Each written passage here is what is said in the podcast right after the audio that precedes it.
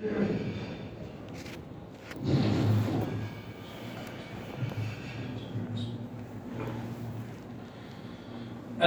لله الذي أنزل على عبده الكتاب. أظهر الحق بالحق وأخزى الأحزاب. أتم نوره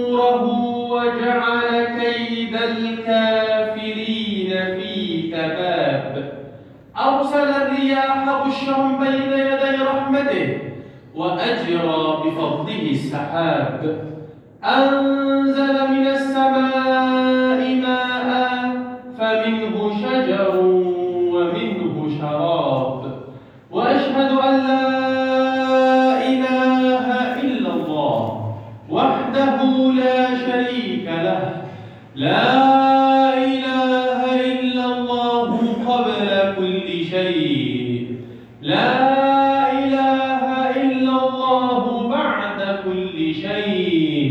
لا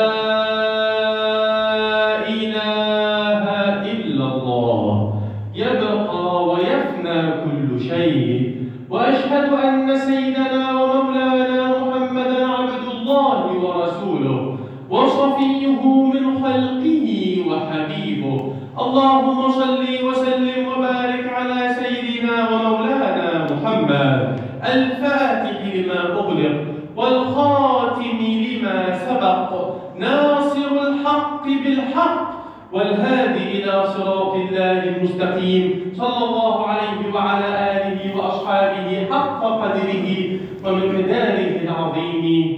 وبعد. فحديثنا اليوم بإذن الله تعالى في بضع دقائق حول العلم.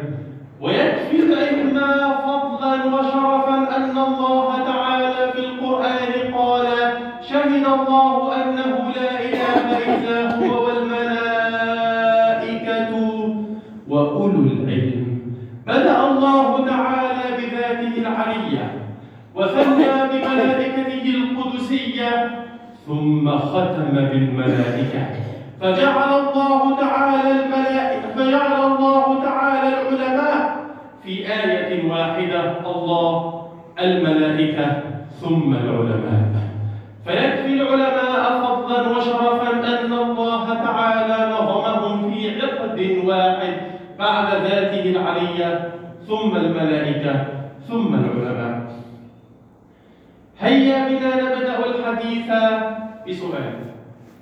تظنون حضراتكم أن أول شيء نتحدث فيه عن العلم؟ نتحدث عن ماذا؟ إذا تحدث الخطباء وتكلم البلغاء وأشار الفصحاء عن فضل العلم أول شيء نتكلم عن ماذا؟ في رأي حضرتك أول شيء نذكر ماذا؟ ربما يقول أحدنا أول شيء نتكلم عن الثواب العظيم الذي يحصله العلماء وطالب العلم. هذا كلام حسن لكننا لن نفعل هذا.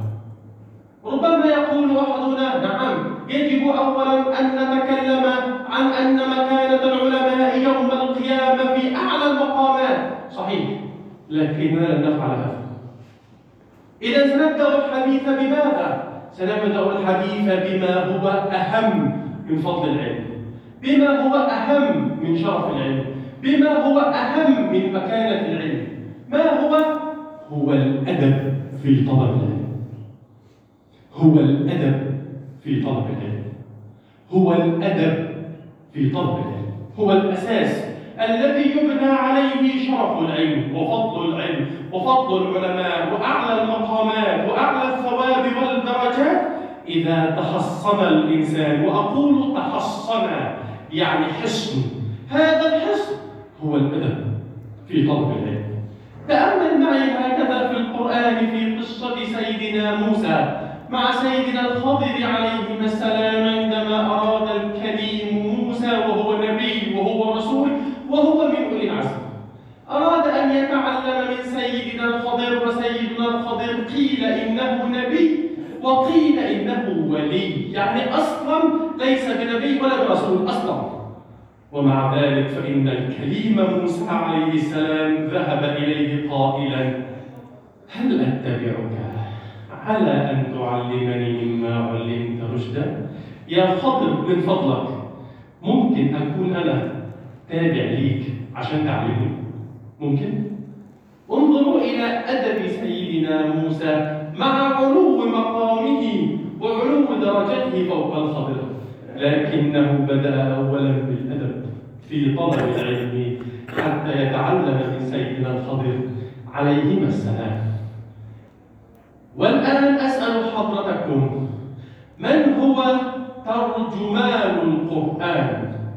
من هو حبر الأمة وترجمان القرآن؟ حبر الأمة يعني أكبر عالم في الأمة.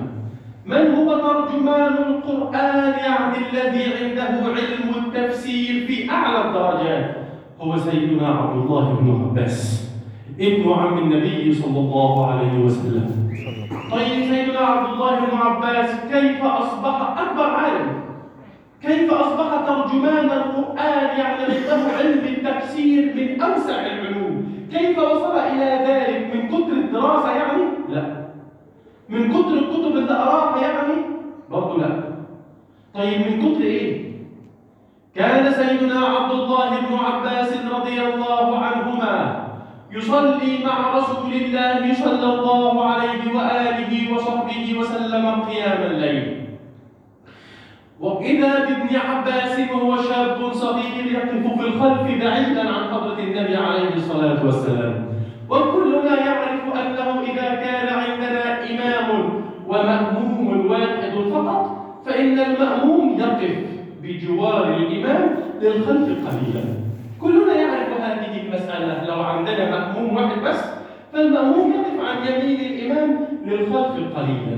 لكن ابن عباس يرجع للخلف يقف بعيدا كما نقول بالعامية المصرية وقف في الخلف آخر الدنيا.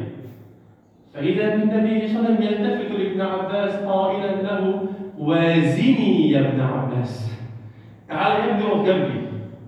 وازني يا ابن عباس. تعال فإذا بابن عباس بكل أدب مع رسول الله صلى الله عليه وسلم يقول ومن ذا الذي يوازيك يا رسول الله؟ مين ده يا رسول الله اللي يحط مكانته جنب مكانتك ولا يحط راسه في راسك ومن ذا الذي يوازيك يا رسول الله؟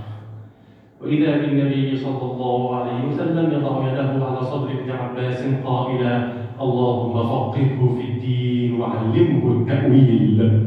فكان من لحظة في الأدب في طلب العلم من لحظة في الأدب مع مولانا رسول الله صلى الله عليه وسلم يصبح هذا الغلام الصغير وهو ابن عباس يصبح حبر الأمة وترجمان القرآن.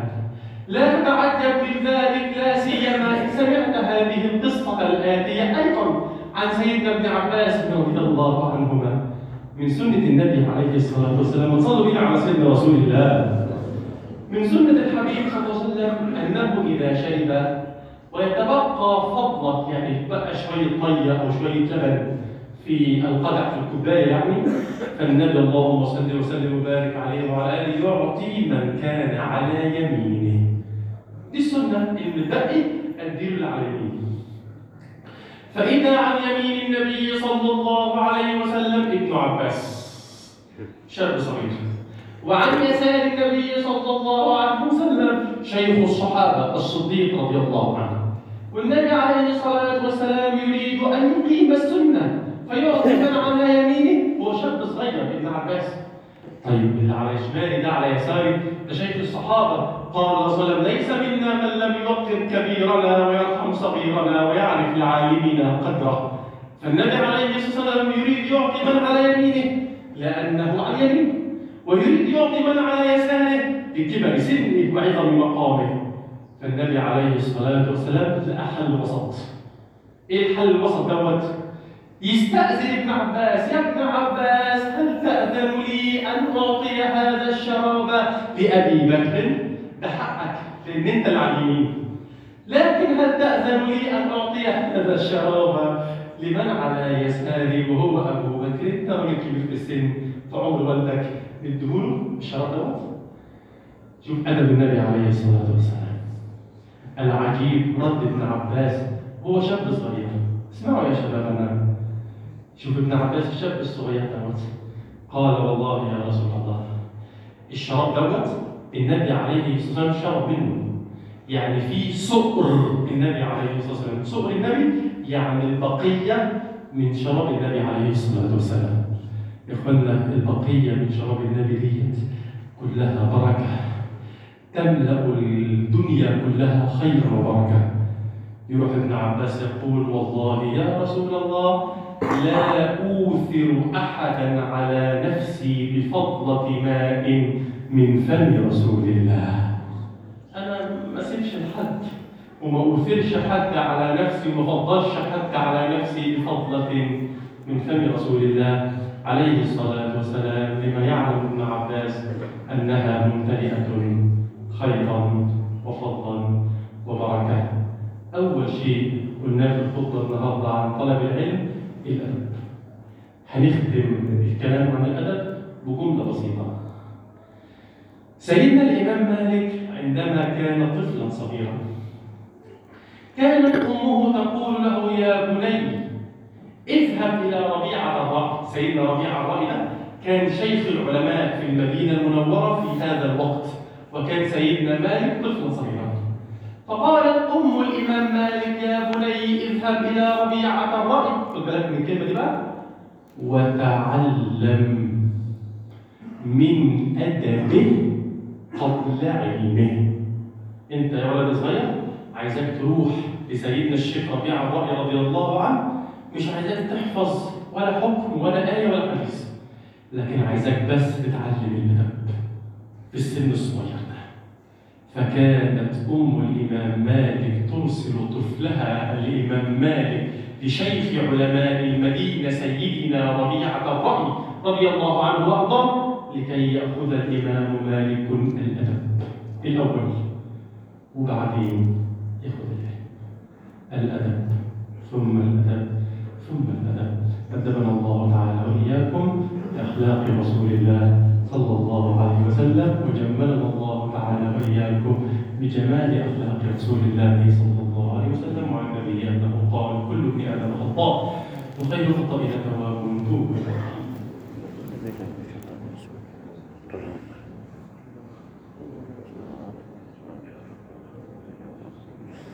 الحمد لله رب العالمين واشهد ان لا اله الا الله وحده لا شريك له واشهد ان سيدنا محمدا عبده ورسوله اللهم صل على سيدنا محمد واله وسلم واعطنا الخير وادفع عنا الشر ونجنا واشفنا يا رب العالمين. وبعد يجب أن أن نختم الخطبة الآن. ولكن كلمتين بس. هنقول لهم اقيم الصلاة. الكلمة الأولى طلب العلم عبادة يا شباب الطلاب اللي في حضانة في ابتدائي في إعدادي في ثانوي. هل تعلم إن وأنت بتذاكر ده عبادة بتقربك من ربنا سبحانه وتعالى؟ يا طلبة العلم وأنت بتذاكر حساب كيمياء فيزياء علوم بتذاكر دراسات اجتماعية بتذاكر إنجليزي بتذاكر أي مادة من مواد المدرسة أو الكلية. هل تعلم إن هذه المذاكرة عبادة بتقربك من ربنا سبحانه وتعالى؟ الجملة اللي عايزين نقولها دلوقتي إن أنت قبل ما تقول هذاكر وهفتح الكتاب انوي. إن المذاكرة دي عبادة هتقرب بها ربنا سبحانه وتعالى. دي أول جملة. ثاني جملة وهي الختام وأقم الصلاة. سيدنا عبيد بن يعيش رضي الله عنه. مين سيدنا عبيد بن يعيش ده؟ كان من كبار علماء الحديث زي سيدنا البخاري وسيدنا مسلم. الناس قوتي سيدنا عبيد بن يعيش ده قعد 30 سنة. اسمعوا يا إخوانا 30 سنة. لكي يحفظ ولكي يتقن حفظا وفهما لسنة رسول الله صلى الله عليه وسلم من كثر ما هو مشغول بقراءة كتب الحديث وحفظ الحديث كانت أخته بتجيب له الأكل وتلقمه الطعام في فمه. يعني أخته بتأكله بقه. طعام في فمه من كثر ما هو مشغول بحمل الكتب وقراءة الكتب لحفظ سنة رسول الله صلى الله عليه وسلم. إحنا مش بنقول للشباب ولا للآباء ولا للأمهات يعملوا كده. لكن نقول للشباب وللآباء والأمهات شوف الأخت الأب الأم من شوية صغيرين اتكلمنا عن أم الإمام مالك. دلوقتي اتكلمنا عن أخت سيدنا عبيد بن عيش. ما رأي حضراتكم لو نصنع في بيوتنا مجلس علم ولو نص ساعة يوم الجمعة؟ حضرتك مع أولادك. صليتم الجمعة إما في مسجد واحد وإما في مساجد متعددة.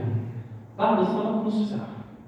أنا استفدت كذا كذا من الخطبة. أنت يا ابني حفظت قصة إيه الخطبة؟ آه والله أنا حفظت قصة سيدنا عبد الله بن عباس. أنا حفظت قصة سيدنا عبيد بن يعيش.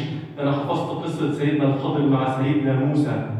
فيكون الابن مع الأب مع الأم في مجلس علم ولا نص ساعة؟ بس بعد صلاة الجمعة. مجلس العلم دوت اللي هو نص ساعة بس.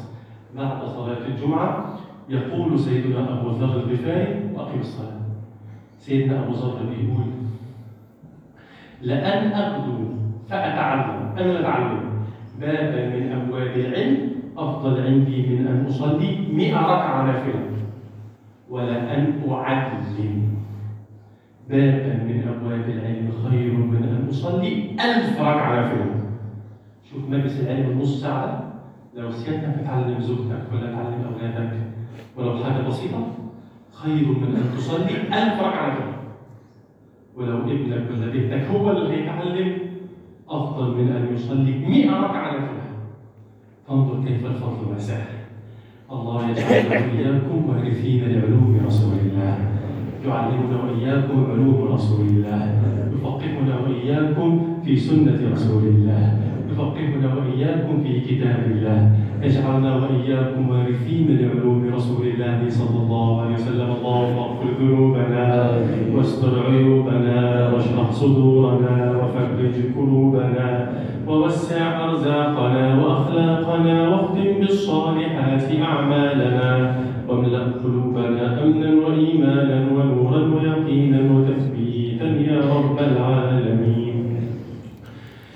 واجعل آخر كلامنا من الدنيا لا إله إلا الله. سيدنا محمد رسول الله صلى الله عليه وسلم. اللهم أشهدنا أنوارها ولقنا أسرارها وأحينا وأمنا عليها برحمتك يا أرحم الراحمين. عباد الله إن الله وملائكته